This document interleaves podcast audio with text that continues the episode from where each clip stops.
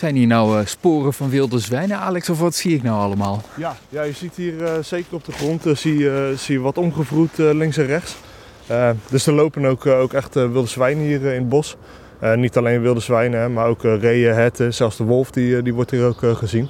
Nou, we staan nu in een Amerikaanse eikenvak. Nou, je ziet de bladeren, daar kan je het eigenlijk al aan zien. Hè? Ehm, maar daarachterin zie je dat het wat overgaat in een, klein beukenvakje. En er staat wat grove dent staat ertussen. En als we daar nou tussen die bomen kijken, zien we eigenlijk twee gaten boven elkaar zitten. Twee grote ovale gaten. Ja, precies. Twee grote dat ovaal ovale is gaten. van belang, hè? Nou ja, dat is zeker van belang. Dat is precies hetgeen waaraan je kan zien van... hé, dat is een, een gat van een zwart specht. Dus die heeft zeker de jongere gaten. Dus als ze net nieuw zijn of van vorig jaar... dan zijn ze nog ovaal. En later als die boom gewoon nog vitaal is en die groeit ook gewoon door... dan worden de gaten eigenlijk wat ronder.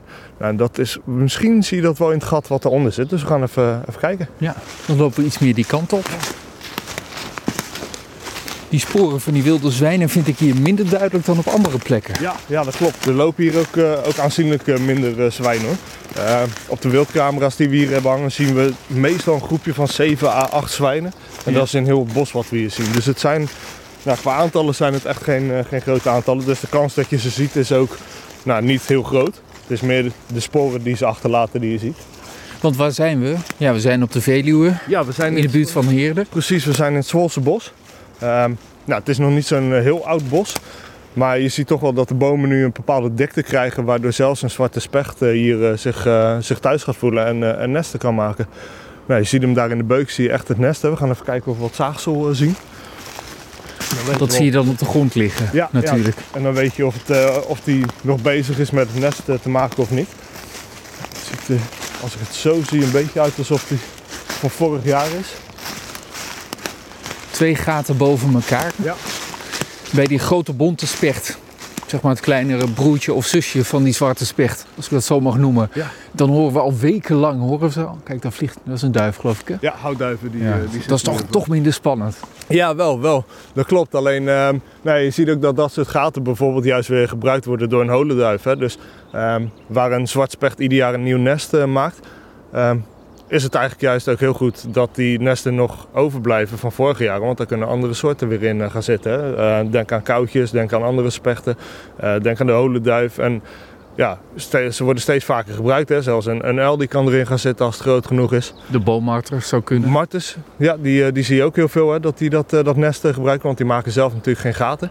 Nou, en dan zijn dit ideale nestgelegenheden voor die dieren. Maar ook denk aan een, nou, misschien een boom eh, kleven is misschien net iets te groot, zou wel kunnen. Want die maken eigenlijk eh, gebruik van andermans nesten en die metselen het dan weer dicht. Dus die zoeken in de omgeving zoeken ze modder en dat nemen ze in de bek en dan smeren ze eigenlijk net zo, ja, dan metselen ze het helemaal dicht. Ehm, totdat het eigenlijk groot genoeg is voor alleen hunzelf.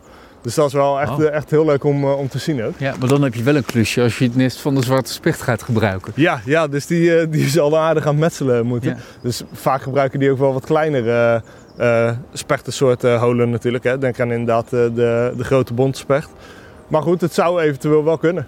Ja. Zeker als die boom hem eh, weer een beetje dicht eh, groeit, hè, het gat, dat het al iets kleiner wordt, dan kan die daar eh, zeker gebruik van maken. Ja. Nu wilde ik net al zeggen, die grote bonte specht, die zal wekenlang hoor je die hakken in Ja. de natuur. Mooi dat geklop op de bomen. Ja. Communicatie wordt er ook mee gedaan. Is die zwarte specht net zo, net zo actief al? Of is die wat zeker. later misschien? Nee, die is nu ook al actief hoor. We zien ook al dat die bezig zijn met het uithakken van, van nestal. Dus ja, nee, zeker. Die zijn zeker actief. Ja. En die maakt een mooi geluid, toch? De zwarte specht. Uiteraard, ja, een heel herkenbaar eh, geluid. Ik ga hem niet nadoen, maar het is, eh, je hoort hem, eh, of je, ja, je hebt zat van die apps die je kan gebruiken om hem te determineren natuurlijk. Maar vaak hoor je dat echt, echt honderden meters ver door het bos heen galmen. Echt een, een soort, soort lach ook, hè, die, alsof je een soort uitgelachen wordt vanuit de bomen. Ja, precies. Maar de groene specht doet het ook. De, de doet zwarte doet het net even anders. Ja, die doen net weer iets anders, dat klopt. Ja, precies. Ja, ik ga jou niet verleiden Nee, geloof ik, nee, om, dat, nee, om dat voor te doen. Dus Nee, zoek het op op een appje. Ja. Dan kom je er vanzelf achter. Ja. Zullen we verder gaan Ja, kijken? we gaan, eh, we gaan verder kijken, helemaal goed.